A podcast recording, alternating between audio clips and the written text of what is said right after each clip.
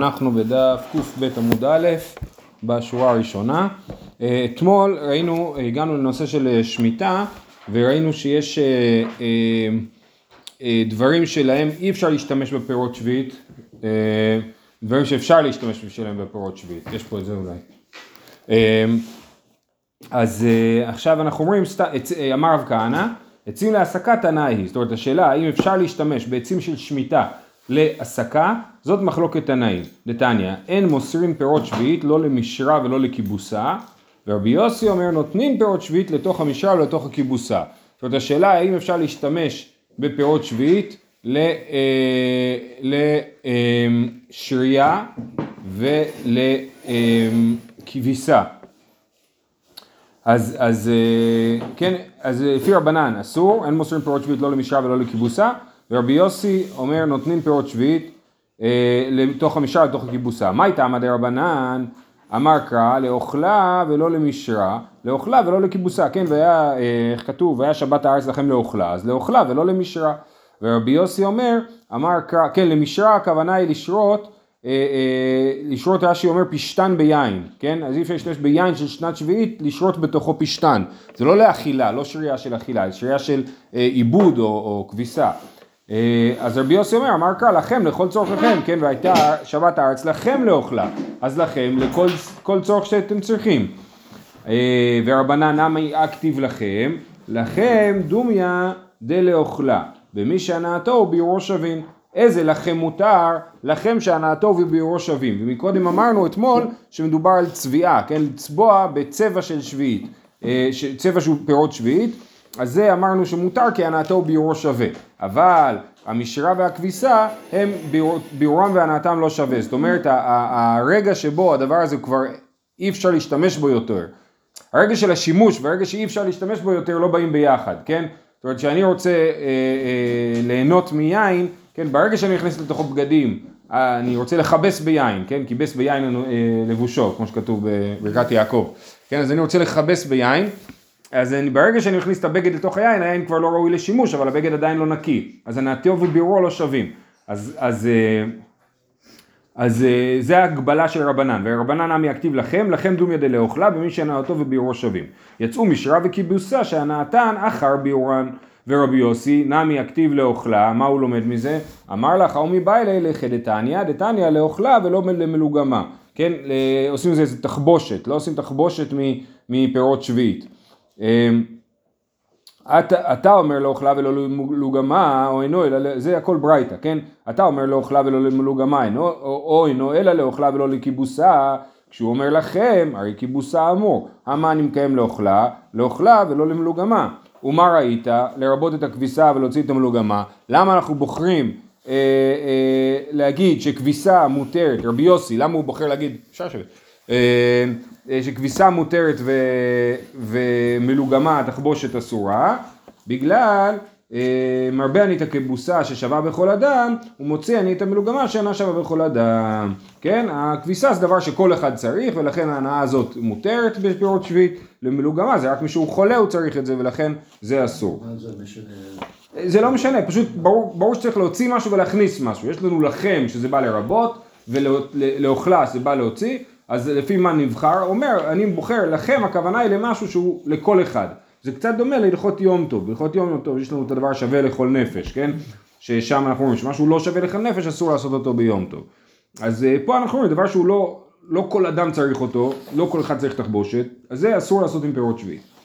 אה, כמאן אז לעד דתניא אה, הברייתא לאוכלה ולא למלוגמה, לאוכלה ולא לזילוף, לאוכלה ולא לעשות ממנה אפיק טביזין, כמן כרבי יוסי, כרבנן יקנה ממשרה וכיבוסה. אז יש לנו ברייתא שאומרת לאוכלה ולא למלוגמה, לאוכלה ולא לזילוף, זילוף שמזלפים יין, רש"י אומר שזה גם כן, אה, אה, זה משהו שלא כל אחד צריך, זה משהו שאנשים אה, מעונגים ומעודנים, כן? לא כל אחד מזלף לעצמו יין בבית בשביל שיהיה ריח טוב, ולכן זה גם כן לא לכולם, כיוון שלא לכולם אסור לעשות את זה עם פירות שביעית, והפיק טביזין זה מין אה, משהו שעושים בשביל להקיא. כן, רש"י אומר וומיט, כן, בלעז. אה, אה, כן, זה מין משהו שלוקחים מי שצריך להקים משום מה, אז גם זה אסור לעשות מפירות שביעית, כי זה משהו שלא כולם צריכים. סמקה. כן, כן. אז כמן כרבי יוסי, והיא כרבנן, אם זה היה, הברייתא הזאת הייתה כשיטת רבנן, אז היו אומרים גם לא אוכלה ולא לכביסה. אבל אנחנו רואים שלא מביאים את זה, סימן שהברייתא הזאת כרבי יוסי. לסיכום, העצים, שימוש בעצי הסקה ב, אה, ב, של שביעית, לפי רבי יוסי זה מותר, כי הוא לא אכפת לו מנאתו וביאורו שווה, הוא אכפת לו מזה שזה יהיה הנאה ששייכת לכולם, וכולם צריכים עצי הסקה, אה, אה, ורבנן שאומרים שהנאתו וביאורו שווה, אה, חושבים שאסור להשתמש בעצים להסקה. עכשיו מה זה להסקה בדיוק? האם הכוונה היא לאפייה או לחימום הבית? אפשר לדון בזה, כן? זה שתי אפשרויות, אפשר להתווכח על זה. זהו, סיימנו את הסוגיה הזאת וחוזרים למשנה. במשנה אמרנו ששיטת רבי יהודה במקרה שאדם נתן לצבא לצבוע צמר שחור והוא צבע את זה אדום או להפך, אז מה הדין? שבעל הצמר מקבל חזרה את הצמר הצבוע ומשלם לאומן את הנמוך מבין ההוצאות או השבח, כן? זה מה שאמרנו במשנה. רבי יהודה אומרת הגמרא, יתיב רבי יוסף אחורי דרבי אבא, קמי דרב הונא, כן? אה, אה, אז רבי יוסף ישב מאחורי רבי אבא ורבי אבא ישב לפני רב הונא, ככה נבין את הסדר של הדברים. ויתיב רב הונא וכאמר הלכה כרבי יהושע בן קורחה והלכה כרבי יהודה. אה, אה, כן, הוא אמר שתי הלכות, הלכה כרבי יהושע בן קורחה, הלכה כרבי יהודה. דרינו רב יוסף להפי, רב יוסף הסתובב, הפנה את הגב. למה? כי התעצבן. בישלמה רבי יהושע בן קורחה איסטריך. אני צריך שתגיד לי הלכה כרבי יהושע בן קורחה, ואני לא צריך שתגיד לי הלכה כרבי יהודה. למה אני צריך שתגיד לי הלכה כרבי יהושע בן קורחה? תכף נבין על מה מדובר. אה, סלקא דתא חמינא יחיד ורבים הלכה כרבים, כמשמע לן הלכה כיחיד. כן, אז זה חידוש, שצריך להגיד לי רבי יהושע בן קורחה, אבל אני לא באתי בשבילך שתגיד לי דברים מיותרים, כן? אז אל תגיד לי דברים מיותרים. מה זה רבי יהושע בן קורחה? רבי יהושע בן קורחה מהי? דתני, רבי יהושע בן קורחה אומר, מיל ובשטר נפרעים מהן, מיל ועל פה נפרעים מהן מפני שהוא כמציל מידם. יש לנו דין שהמשנה הראשונה במסכת עבודה זרה, שלושה ימים לפני ידיהם של גויים, לפני החגים של הגויים, אסור לעשות איתם עסקים. כן? אבל רבי יושב בן קורחה אומר דבר אחד מותר, מותר לגבות מהם חוב של מיל ועל פה, כי זה מציל מידם. למה זה מציל מידם? כי אם הם יסכימו לתת עכשיו, לא בטוח שהם יסכימו לתת אחר כך. מיל ובשטר, יש לי שטר, אני יכול לגבות את זה, אז בטוח שאני אצליח לגבות את זה, או, או די בטוח, כן? מיל ועל פה, אם אני מצליח להוציא ממישהו מיל ועל פה שהלוויתי לו, אז אני מציל ממנו. אז לכן מותר להציל מידם. ויש פה עוד נקודה, למה אסור לעשות איתם עסקים שלושה ימים לפני ידיהם? אז הגמרא מסבירה שם שהוא חושב שהוא הרוויח, חלק מהעניין זה שהם לא יקנו ממך דברים שהם אחרי זה ישתמשו לקורבנות שלהם, כן? אבל חלק מהעניין זה שהוא לא ישמח בזה, הוא עשה איתך עסקים, ואז הוא יודה לאל שלו על זה שהוא הצליח בעסקים, כן? אבל מיל ועל פה, הרי אם אני הצלחתי להוציא ממנו מיל ועל פה, אז הוא הפסד שלו. אם הוא החזיר לי מיל ועל... פה... זה יבוא בתערומת אל האלה שלו. בדיוק. אם הצלחתי להוציא ממנו מיל ובשטר... אז בסדר, הוא שמח שהוא הצליח להחזיר את החוב, הוא יודע לאל שלו שהוא הצליח להחזיר את החוב. אבל אם זה מיל ועל פה, אז הוא מתבאס שהוא בכלל יצאת ממנו את הכסף הזה. ולכן... השאלה גם אם לאדום נחשבים עובדי כוכבים, נכון, או לא. נכון. אם, אם לא, אז אנחנו לא... נש... אם יש מבצעים לכבוד החג שלהם, כן, לא נכון. באירופה זה משמעותי, כן, כן, כן, נכון. היום זה לכאורה באופן פשוט לא. יש בזה כל מיני... גם וגם. כשנלמד מסכת עבודה זרה, אז נגיע לזה. אה, אז הוא אומר, אוקיי, אז רבי יהושע בן קורחה אומר את הרעיון הזה, זאת אומרת רבנן אומרים בכל אופן אסור להיפרע מהם, אפילו מיל ועל פה, ורבי יהושע בן קורחה אומר מיל ובשטר נפרים מהם, מיל ועל פה נפרים מהם, מפני שהוא מציל כאדם, ועל זה אמר רב הונא הלכה כרבי יהושע בן קורחה וזה לא מיותר. אבל הלכה כרבי יהודה, למה לי? זה הלכה כרבי יהודה, הכוונה היא לרבי יהודה שאצלנו, ש, אה, אה, שאם הוא שינה את זה, אם הוא שינה את הצבע, אז אמרנו שהוא יגבה או הוצאות או שבח הנמוך מבין שניהם, שבעצם ידו של בעל הצמר על העליונה וידו של האומן על התחתונה, כן? אלא הלכה כבידויים, למה לי מחלוקת ואחר כך סתמי. ומחלוקת ואחר כך סתם, הלכה כסתם, יש לנו מחלוקת בנושא מסוים, ואחר כך מופיע במשנה, בכמה משניות אחרי זה, מופיע אחת השיטות בתור שיטה יחידה, סתם, בלי נגיד מחלוקת רבי יהודה ורבי מאיר, ואחרי זה השיטה של רבי יהודה מופיעה בתור סתם משנה, בלי שם של מישהו שאומר אותה, אז סימן שהלכה כרבי יהודה, כן? אז גם פה יש לנו מחלוקת ואחר כך סתם, כן? מחלוקת ואחר כך סתם, הלכה כסתם, מחלוקת בבבא קמא, יפה, שלמסכת בבא קמא קוראים בבא קמא בתוך המסכת, כן? הנה, כן, אז בואו נראה את זה. זה בדיוק פה. מחלוקת בבבא קמא, לצבוע על אדום צבעו שחור, שחור לצבע אדום, רבי מאיר אומר נותן לו דמי צמרור, רבי יהודה אומר אם השבח יתר על היציאה נותן לו את היציאה ואם היציאה יתר על השבח נותן לו את השבח, וסתם בבבא מציאה דתנן, כל המשנה ידו על התחתונה, וכל החוזר בו ידו על התחתונה. כל המשנה ידו על התחתונה, זה בדיוק רבי יהודה. אז הסתם בבבא מציע פסק כרבי יהודה. אז אני לא צריך שתספר לי שהלכה כרבי יהודה, כי יש פה מחלוקת, ואחר כך סתם. אומרת הגמרא ברב הונא, למה הוא באמת אמר את זה? איצטריך, סלקא דעתך אמינא, אין סדר למשנה, וסתם ואחר כך מחלוקת היא. אה, אה, רב הונא אמר, מי אמר שיש סדר למשנה? אולי בבא מציע בא לפני בבא קמא, ו... ואז אין לך מחלוקת ואחר כך סתם, יש לך סתם ואחר כך מחלוקת, וסתם ואחר כך מחלוקת אתה לא יודע מה ההלכה, לכן הוא אמר הלכה. ורב יוסף, יא אחי, כל מחלוקת ואחר כך סתם הנעימה אין סדר למשנה, וסתם ואחר כך מחלוקת היא. אז רב יוסף אומר, מה זאת אומרת? אם אתה אומר את הסברה הזאת שיכול להיות שזה היה הפוך, אז זה נכון תמיד. אז מה זה סתם מחלוקת ואחר כך סתם? מה זה הכלל הזה? אם תמיד אני יכול להגיד שאולי זה היה הפוך. ורב הונא, כי לא אמרינן אין סדר למשנה בחד המסכתא.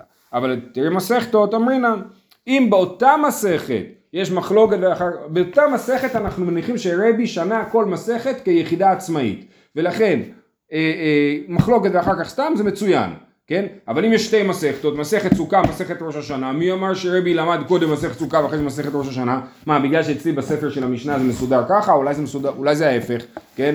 האמת היא שבאמת יש בזה מבדל בין הגמרא למשנה. במשנה סוכה באה לפני ראש השנה, ובגמרא ראש השנה באה לפני סוכה. כי בגמרא זה לפי הסדר ראש השנה יום הסוכה, ובמשניות זה לפי הגודל של כמה פרקים יש בכל מסכת, אז סוכה לפני ראש השנה. בכל אופן, אז, אז, אה, אה, אז, אז, אז זה מה שרבונה אומר. זה לא נכון שהכלל הזה לא שווה כלום, הוא שווה בתוך מסכת, בתוך מסכת יש מחלוקת ואחר כך סתם הלכה כסתם, אבל בשתי מסכתות אין מחלוקת ואחר כך סתם, כי אתה לא יודע מה היה קודם. ורב יוסף אמר אתה צודק, נכון? רב יוסף כולה נזיקין חד המסכתא היא. רב יוסף אומר, מה, זה בבא קמא בבא מציע בבא בתרא, זה מסכת אחת, זה פשוט חולקה לשלוש יחידות, כן, בשביל שיהיה לנו נוח יותר, אבל בעצם זה מסכת אחת, מסכת הבבות, כן, אב, בבא, בבא, כן, מסכת נזיקין, כן, אה, אה, בבא קמא בבא מציע בבא בתרא, זה שלוש חלקים של מסכת אחת, של שלושים פרקים. דרך אגב, גם מסכת כלים בסדר טהרות היא שלושים פרקים, כן? ושם בתוספתא זה מחולק לבבא קמא, בבא מציע, בבא בתרא. במשנה לא, אבל בתוספתא גם יש את הדבר הזה. בכל אופן, אז, אז, אה, אז זה כאילו הוויכוח בין רב יוסף לרב הונא בעצם, הוא האם, האם נזיקין זה מסכת אחת או לא, כן? רב יוסף אומר זה מסכת אחת, אם יש, אם יש מחלוקת בבא קמא וסתם בבבא מציע, אז זה מחלוקת ואחר כך סתם, ואני יודע שהלכה כרבי יהודה שכולם משנה ידו על התחתונה. ולפי רב הונא זה לא מסכת אחת, זה יחידות נפרדות ויכול להיות שהוא ילמד קודם את היחידה של בבא מציע ואחרי זה את היחידה של בבא קמא. אמ, ולכן זה אין פה מחלוקת ואחר כך סתם. ואיבא תימה משום דקתני לגבי הלכת הפסיקתא. זאת אומרת אולי הסיבה שרב יוסף חשב שזה פשוט שהלכה כרבי יהודה זה לא בגלל אמ, שנייה. כן זאת אומרת למה ההלכה כסתם בדבר הזה, לא בגלל שזה מחלוקת ואחר כך סתם, כי אולי באמת זה לא מחלוקת ואחר כך סתם, אלא בגלל שתני לגבי הלכת פסיקתא, כל המשנה ידו על התחתונה וכל החוזר בידו על התחתונה. מה זאת אומרת תני לגבי הלכת פסיקתא? אז יש פה אה, כמה הסברים, הסבר אחד זה שכאילו זה לשון פסוקה, כל המשנה ידו על התחתונה, זה מין לשון כזאת מאוד החלטית, כן. מאוד כוללת, ו, ולכן אנחנו יודעים זאת ההלכה, כי כל המשנה ידו על התחתונה. זה אופציה אחת. אופציה שנייה זה להגיד אה, אה, זה היה מיותר שם. שם במשניות, בבבא מציע, זה הנושא זה כל החוזר בו, זה על פועלים, שאני שוכר פועל והוא רוצה להתחרט ולא לעבוד אצלי, אז נגיד הוא חוזר בו באמצע היום, אז כמה אני משלם לו, אני משלם לו, קצור, כן. זה כל החוזר בו ידו על התחתונה, mm. כל המשנה ידו על התחתונה זה בעצם מיותר שם, אז זה כתוב שם באופן מיותר בשביל שאני אדע שזאת ההלכה.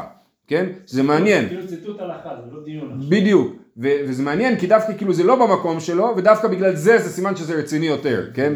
כי זה היה צריך להיות פה כאילו, כל המשנה ידו על התחתונה, אבל שמו את זה שם בשביל להגיד לך זה מאוד רציני הסיפור הזה. אז יש שתי אפשרויות להבין את המשפט הזה, שטלי לגבי הלכת הפסיקתא, בכל אופן, הלכה כרבי יהודה, שכל המשנה ידו על התחתונה, אמ, וזה. תנו רבנן, הנותן מעות לשלוחו, לקח לו חיטין, ולקח מהם שעורים, שעורים ולקח מהם חיטין, כן? אז הוא הלקה, שולח את הזה, אומר רש"י למחצית שכר, מה זה אומר למחצית שכר? אני נותן כסף למישהו, שאתה הולך, קונה חיטים, מוכר את החיטים ברווח ואנחנו מתחלקים ברווחים, אוקיי? הנושא הזה של אה, מחצית שכר, זה, אה, יש שם הרבה בעיות של ריבית. כן, אה, בתוך הדבר הזה, וזה נידון בהרחבה גדולה מאוד באיזהו נשך, כן? הסוג הזה של העסקה, שיש שותף אחד שמביא את הכסף ושותף אחד שמביא את העבודה, זה אה, אה, נידון בהרחבה במסכת בבא מציע, ופה כתוב לגבי הנותן מעות לשלוחו לקח לו חיטין ולקח מהם שעורים, שעורים ולקח מהם חיטין, הוא לא עשה מה שאמרו לו, הוא קנה את המוצר הלא נכון. תניא חדא אם פחתו פחתו לו ואם הותירו הותירו לו. ותעני חדא אם פחתו פחתו לו ואם הותירו הותירו לאמצע. אז יש ברייתא אחת שאומרת שאם הוא הפסיד, הוא הפסיד. אני אמרתי לך לקחת חיטים, אתה קנית שעורים, ידעתי שלא תצליח לעשות כסף מהשעורים. אתה תחזיר לי את הכסף שהפסדת לי. או זה פחתו, כן? וזה בשתי הברייתות נכון. אבל אם הותירו, זאת אומרת אם עשיתי מזה כסף, אז ברייתא אחת אומרת הותירו לו, השליח עשה הכל על דעתו, לכן גם הרווחים יהיו על דעתו, הוא יחזיר למשלח את הכסף, הוא יגיד לו מצטער לא עשיתי מה שאמרת לי, ואת הרווחים הוא ייקח לכיס שלו, כן? ו, אה, ויש ברייתא אחרת שאומרת אם הותירו הותירו לאמצע, כן? שאם הוא מרוויח אז הוא מתחלק ברווחים עם, ה, עם הבעל הכסף, אם הוא הפסיד הוא לא מתחלק בהפסדים עם בעל הכסף. אז מרוקר עושה משהו על דעת עצמו, לא כמו שה... אבל מה זה, כן. מה זה משקיע, עצמו? הם סיכמו שהוא, קונה חיטים. כן. כן. אולי לא היה זה. יכול להיות. אז הוא אמר, אה, לא היה זה, אתה יודע מה? אז במקום כלום, אני אעשה ככה. נכון, נכון. תרוויח בכל מקרה אולי. נכון, וזה נקרא שהוא משנה, והשאלה אם הוא משלח אה, זה על דעתו או לא. נכון, אתה צודק, יכול להיות שזה המקרה, שהוא חיפש חיטים ולא היה חיטים והוא קנה שעורים. כן, אבל יש הבדל בין, בין המקרים שהוא משנה את דעתו סתם, מפני שהוא חשב הוא, יותר חכם ממי ששלח אותו. לא, בכל אופן, בכל אופן השאלה היא האם, מה היחס של הבעלות של המשלח על החיטים, על, על מה שהוא לא אמר לו לקנות, כאילו. אם, יכול להיות שהם סיכמו ביניהם, תמצא חיטים, תמצא חיטים, לא תמצא. אם הם סיכמו ביניהם זה דבר אחד, אנחנו מדברים על מצב שהם לא סיכמו ביניהם. הוא לכאורה היה צריך לחזור למשלח ולהגיד לו אין חיטים. ואז הוא היה שולח אותו חזרה לקנות שעורים. כמו בסיפור, בסיפורי החורבן, על מרתה בת ברטוס, כל פעם השליח אומר לה אין את זה, במקום להגדיל ראש. אבל פה היחס ל- ל- לשליח, אני לא- זה כאילו שהוא לא בסדר. לא, לא, הוא לא, לא בסדר, זה פשוט עניין של בעלות. זה באמת עניין של. תחשוב, אם הותירו, הותירו לא, זה לא עניין שלא בסדר, להפך יכול להיות שהוא ירוויח את כל הכסף, כן? פשוט עניין של האם אנחנו אומרים המשלח הוא חלק מהסיפור, או שברגע ששינינו מדעתו הוא יצא מהסיפור. אומרת הגמרא, אז מה, אז מה היחס? יש פה שתי ברייתות, פעם אחת אם הותירו, הותירו לא, ופעם שנייה אם הותירו, הותירו לאמצע. אמר רבי יוחנן לא קשיא, אה רבי מאיר, אה רבי יהודה, אה רבי מאיר דאמר שינוי קונה, ועד רבי יהודה דאמר שינוי אינו קונה. הרי במקרה שהוא נתן לו לצבוע אדום וצבע שחור, מה רבי מאיר אומר? שהצבא קנה את הצמר בזה שהוא צבע את הצבע הלא נכון, הוא עשה שינוי, ועכשיו הוא רק צריך להחזיר לבעל הצמר את דמי הצמר. ורבי יהודה אומר לא, הצמר נשאר שייך לבעלים, והוא רק אה, משלם לו בידו סליחה, לתחתונה, כן. נכון? אז זה בדיוק המחלוקת פה. המשמי שאומר שאם הותירו הותירו לו זה רבי מאיר, שאומר ברגע שהוא שינה את זה הוא קנה את זה. ו- ורבי יהודה אומר לא, הוא לא קנה את זה, ולכן אם הותירו הותירו לאמצע. ברור שגם רבי יהודה אומר שאם הוא הפסיד, אז זה אשמתו של השליח, כי אם אתה לא עשית מה שסיכמנו, אתה תישא בהפסדים. לקחת... זה מצד קנס. אבל זה ברור, שאמרנו, כן. אה, אומרת הגמרא, אז הר- רבי מאיר דאמר שינוי קונה, רבי יהודה אמר שינוי אינו קונה. זה היה שיטת רבי יוחנן. מתקיף לה רבי אלעזר, ממאי דלמד כאן לא כאמר רבי מאיר, אלא במידי חזלה לגופי, אבל לסחורה לא אמר. אולי רבי מאיר חושב שכל המשנה ידו, לת- סליחה, שמי שמשנה קנה, זה כשאני עושה דברים לעצמי. אני רוצה לצבוע בגד שחור, ואתה צבעת לי אותו אדום, אין לי מה לעשות עם זה, אז תיקח את זה, כן? אבל כשמדובר על עסקים, מה אכפת לי אם אתה תעשה את הכסף מחיטים או משעורים? יכול להיות שאני חושב שהעצה היותר חכמה היא לקנות חיטים, אבל אם קנית שעורים ועשיתם איזה כסף, מה אכפת לי? למה נגיד פה שהמשנה קנה, כשלמשלח בכלל לא אכפת, כן? אז זה מה שהוא טוען פה. אה, כן, עד כאן לא כאמר רבי מאיר דחזי לי לגופי, אבל לסחורה לא אמר. לכן אי אפשר להגיד שמחלוקת רבי מאיר ורבי יהודה, וכולם מסכימים שהמשנה לא קנה. אז מה, מה ההבדל בין אפשר להגיד הברייתות? שיש שותפות מה? אפשר להגיד שהם שותפים. כן, הם שותפים, זה לחלוק חצי חצי ברווחים, זה, זה שותפים. לא, אני אומר, כאילו, לה- להגדיר את זה לא כקנה זה- לגמרי, אלא כ- כחצי חצי. כן, השאלה אם הוא קנה את החצי. בכל אופן הוא, אה, הוא- בכל זה חצי. אלא, אלא הווה הווה רבי מאיר, שנייה, אה, אלא אמר בלעזר, איפה אנחנו? כן, כן, אלא אמר בלעזר והווה רבי מאיר ולא קשיא, כאן לאכילה, כאן לסחורה. השאלה אם הוא שלח אותו לקנות אוכל או שלח אותו לקנות סחורה, אם הוא שלח אותו לקנות אוכל, אז השינוי קונה, ואם הוא שלח אותו לקנות סחורה, השינוי לא קונה, זאת שיטת, והכל לפי רבי מאיר, שאומר ששינוי קונה. מכחו עלה במערבה לרבי יוחנן, כן, צוחקים על רבי יוחנן בארץ ישראל, רבי יוחנן בעצמו היה מארץ ישראל, כן, אבל צוחקים בארץ ישראל, מה הם צוחקים? ליבא דרבי יהודה. וכי מי הודיעו, הרי לפי רבי יהודה אנחנו אומרים שאם הותירו, הותירו לשניהם, נכון? אם הותירו, הותירו לאמצע. כי אנחנו אומרים שלפי רבי יהודה משנה לא קנה. אבל אומרת, מה פתאום? מי הודיעו לבעל החיטים שיקנה חיטים לבעל מעות? מה פתאום? בכלל, אני אומר שהשליח שהוא קונה את החיטים, הוא קונה אותם בשביל בעל המעות. זאת אומרת, אני שלחתי את החתי- את השליח לקנות שעורים, הוא קנה חיטים, הוא קנה את זה לעצמו, המוכר לא היה לו מושג שיש פה איזושהי עסקה מורכבת יותר, הוא לא התכוון להקנות את זה לבעל החיטים, זה לגמרי שייך לשליח וזה לא שייך לבעל, לבעל הכסף. למה בעל הכסף מקבל אחוזים? זה מה שצוחקים על רבי יוחנן. עוד פעם, אה, מה חולה במערב על רבי יוחנן אליבא דרבי יהודה, וכי מי הודיעו לבעל החיטים שיקנה חיטים לבעל המעות? אומרת הגמרא, מה תקיף לרב שמואל בר ססרתי? אי אחי אפילו חיטין וחיטין נמי. מה זאת אומרת? אם אתה אומר את הסברה הזאת מי הודיעו, אז מה אכפת לי אם המשלח אמר או לקנות חיטים? שעורים, או אמר לקנות חיטים, בכל אופן המק- המקנה לא יודע שבן אדם שעומד מולו הוא שליח. אז ברור שהוא מקנה את זה רק לקונה ולא למשלח, כן? אז אני לא, אני לא מבין את הקושייה שלכם. אם אתם צוחקים על זה, אז כל המבנה לא עומד אצלכם. אומרת הגמרא, אמר בי אבאו, שאני חיטין וחיטין דשליחותי כאביד, וכיד בעל הבית דמי. זאת אומרת, אם אתה אמרת לי לקנות חיטים ואני קונה חיטים, אני היד שלך, אני קונה בשבילך, היד שלי זה היד של בעל הבית, ולכן באמת העסק עובד. ברגע שאני משנה מדעתו של בעל הבית, אני לא קונה את זה בשינוי, אבל ברגע שאני משנה מדעתו של בעל הבית אני כבר לא שליח, אני עומד עם יד עצמאית, כן? ולכן באמת הקושייה שהקשו רבי יוחנן היא קושייה טובה, איך הבעל החיט, בעל הכסף קנה את החיטים כשהשליח הוא לא שליח שלו, הוא לא עשה מה שאמרו לו, אוקיי? אמ, כן, אפשר להגיד שגם זה שהוא לא עשה את השליחות זה בגלל השליחות. זאת אומרת, כאילו, זה לא, בסוף זה- זה מכוח השליחות. זה שיש לו זה כוח, עכשיו הוא מביא לו כסף הרי, נכון, לקנות. כן. אז מכוח הכסף הזה הוא שהוא לו שהוא, חיטים, ברגע שהוא עושה משהו על דעתו, על דעתו באופן עצמאי, אז הוא כבר לא, זה כבר לא שליח, הוא כבר, כאילו הוא גנב כסף, גנב. הוא לווה את הכסף, גנב. ועכשיו הוא על דעתו. עכשיו הוא על דעתו, כן, ואז כבר זה כן. סיפור אחר. כן. אמ, תדע, הוכחה שאנחנו אומרים לרעיון של שליחותי כאביד, אתנן, אחד המקדיש נכסיו ואחד המעריך את עצמו, אין לו בכסות אשתו ולא בכסות בניו ולא בצבע שצבע לשמם ולא בסנדלים חדשים שלקחן לשמן, כן? אז אני מעריך את עצמי. אני מעריך את עצמי, זאת אומרת שאני צריך להביא את הערך שלי לבית המקדש, נכון? כמו בפרשת ערכים.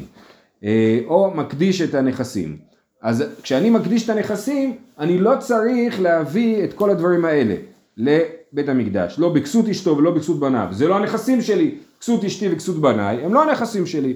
או צבע שצבע אה, לשמן, לשם הילדים או לשם האישה, ולא בסנדלים חדשים שלקחן לשמם. אני עכשיו נתתי צמר לצביעה לצבא בשביל אשתי, ואז אני אה, מקדיש את הנכסים שלי, אז זה לא שייך לי, זה שייך לאשתי. אה, מה זה מוכיח? אה, ועמי, לימה אחא נמי מי הודיעו לצבא שיקנה ציוו לאישה, הרי האישה עוד לא השתמשה. בסוודר הצבוע, נכון? אז אני אמרתי לצבא לעשות את זה, ואני אומר כאילו זה לא שלי, כי אם אני אקדיש את הנכסים שלי, זה לא שלי, אני, זה שייך לאשתי, אבל הצבא לא ידע שזה של אשתי, כן? אלא מה אנחנו אומרים? אלא לה משום דאמרינן דשליחותי כאביד וכיד אשתו דמי. הכנה משליחותי כאביד וכיד בעל הבית דמי. אז כמו שאנחנו אומרים שהסוודר כבר שייך לאשתי בגלל שאני עושה את השליחות שלה, לא ברור פה מי עושה את השליחות שלה, אני או הצבא, אבל לצורך העניין בוא נגיד אני עושה את השליחות שלה, אז אותו דבר גם אה, גם מקודם, כשאני קונה חיטים, אני עושה את השליחות של בעל הכסף, כן? אז הנה ההוכחה מהמקרה של ה... מהמשנה של המקדיש נכסיו, שאני כן אומר שהשליח עושה שליחות וכיד המשלח דמי, כן? אז כיד אשתו דמי, הכנה משליחותי כאביד וכיד בעל הבית דמי. זה היה הוכחה, דחייה להוכחה. אמר רבי אבא לא, כל המקדיש נכסיו, אין דעתו על כסות אשתו ובניו. מה פתאום? לא צריך להיכנס לכל מיני מבנים כאלה כלכליים מורכבים, אלא פשוט, אני אומר, לא, הוא לא חשב על זה. כשהוא הקדיש את הנכסים, הוא לא חשב שהוא הולך להקדיש גם את הנעלי ספורט של הילד שלו. כן, אז כל מה שהוא לא חשב עליו, הוא לא מוקדש. מה תקיף לה רבי זרע? מה פתאום? וכי דעתו של אדם על תפיליו? כשאדם מקדיש את הנכסים שלו, הוא חושב שהוא יקדיש את התפילין שלו, בכל זאת הוא מקדיש את התפילין שלו, דתנן. המקדיש נכסיו, מעלים לו תפילין, מי שמקדיש את נכסיו צריך לדאוג לו לתפילין, כי באמת התפילין שלו גם כן מוקדשות. אז סימן שאנחנו אומרים מי שמקדיש נכסים, שבאופן כללי הכל מוקדש, ואנחנו לא אומרים זה לא דעתו, זה כן דעתו, אלא חייבים ללכת לפי ההסבר הראשון, שזה שליחות.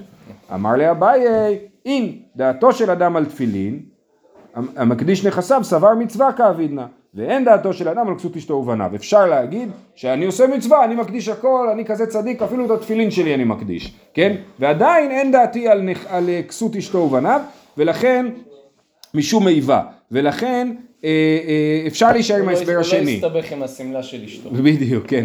אז, אז, אז יש לנו בעצם שני הסברים לזה שאדם מקדיש את נכסיו, זה לא כולל את נכסי אשתו ובניו. הסבר אחד זה שאני עושה את השליחות של אשתי. הסבר שני, זה אין דעתי על אה, נכסי אשתי, אוקיי? זה שני הסברים. אם ההסבר השני הוא הנכון, אז אין לנו הוכחה לרעיון של השליחות. מה תקיף לרב הושעיה, והלא חייבי ערכין שנו כאן, ותנן חייבי ערכין ממשכנין אותן, וכי שילדו של אדם על עצמו למשכנו, אז מה כתוב פה? הרי במשנה היה כתוב אחד המקדיש ואחד המעריך. אז המקדיש, הוא מקדיש את נכסיו, ואז אנחנו שואלים אותו על מה חשבת, חשבת על זה או לא חשבת על זה, אפשר להגיד את הרעיון הזה, אבל מעריך, הוא מעריך את עצמו, התורה אמרה שהיה צריך לשלם עכשיו 50 שקלים, כן, כי זה מה שכתוב בתורה בפרשת ערכין, כמה כל אחד שווה, אז הוא צריך להביא 50 שקלים, ואז אנחנו אוספים ממנו את כל הכסף שיש לו בבית, ואם אין לו כסף מתחילים לקחת נכסים, כן? אז מה שייך את השאלה היא מה דעתו, הוא בכלל לא חשב שיקחו נכסים, הרי ממשכנים אותו אפילו, כן? ממשכנים אותו זאת אומרת שאנחנו לוקחים ממנו חפצים בשביל לוודא שהוא ישלם את הכסף, כן? אז וכי, אתנן חייבי ערכים, ממשכנים אותם, וכי של דעתו של אדם על עצמו למשכנו, כשהוא העריך את עצמו, הוא תכנן שימשכנו אותו, הוא לא תכנן שימשכנו אותו, סימן שאנחנו לא הולכים לפי דעתו של האדם, וממילא כן היה אמור לקחת גם את נכסי אשתו ובניו, אלא אם נחזור להסבר השליחות. אמר רבי, אלא אמר רבי אבא, גם בהקדש הוא חייב שלם, כאילו מה זה, מה אכפת הקדש, לא, אם הוא הקדיש את נכסיו אומר, אני מקדיש נכסיי, אז אנחנו יכולים להגיד, אה, כשהקדשת נכסיך, לא התכוונת לנכסי אשתך. אבל כשאתה מעריך את עצמך, אני פשוט בא אליך ומושך לך מהבית דברים. הכל משועבד. הכל משועבד, בדיוק, כן. שעבוד מלא. בדיוק. אז לכן, אה, אי אפשר להגיד את הרעיון של הדעת. אלא אמר רבי אבא, כל המקדיש נכסיו נעשה כמי שהקנה להן כסות אשתו ובניו מעיקרא. אומר רבי אבא, שוב, הוא מאוד לא אוהב את הרעיון של השליחות, הוא כל הזמן הולך בכיוון ההפוך, אז הוא אומר, שמי שמקדיש נכסיו, או לחלופין גם מי שמעריך את עצמו, כאילו לפני שהוא עשה את זה, הוא, הוא כבר העביר את הנכסים של אשתו לאשתו, כן? כאילו, כאילו הוא ניקה מתוך הנכסים שלו כל מה שלא שייך לו. אנחנו כאילו יורדים לסוף דעתו בדבר הזה. ולכן זה לא עניין של שליחות. אז אה, לסיכום הסוגיה הזאת, ראינו את מי שלקח חיטים ולקח מזה שעורים, בעצם אה, לרבי יוחנן נשאר לדעתי בלי פתרון. זאת אומרת, רבי יוחנן אמר שלשיטת רבי יהודה מי שקנה חיטים והיה אמור לקנות שעורים, עדיין הוא מתחלק חצי חצי ברווחים, ושאלנו איך זה יכול להיות שבעל הכסף בכלל קנה משהו, אין לנו תשובה לזה, התשוב, אה, כן? וכשאמרנו לרבי, אמרנו מה ההבדל בין זה למי שעשה מה שהמשלח אמר, אמר לו, אז אמרנו שהוא עדיין ידו כיד המשלח. ניסינו להביא הוכחה לזה שידו כיד המשלח מהמשנה של קידושין, של אה, אה, ערכין, כן? ולא הבנו הוכחה, אבל זה לא סותר את הדבר. אה, ולכן רבי יוחנן נשאר קצת בעייתי בשאלה איך בעצם, הוא חש, איך הוא חשב שלפי רבי יהודה בעל הכסף קונה את הסחורה. זה נשאר פתוח. זהו, הנושא הבא. בואו נראה אם יש לנו זמן. לא, אנחנו נעצור פה, יש לנו נושא מורכב. אז אנחנו נעצור פה. שיהיה לכולם, יום טוב.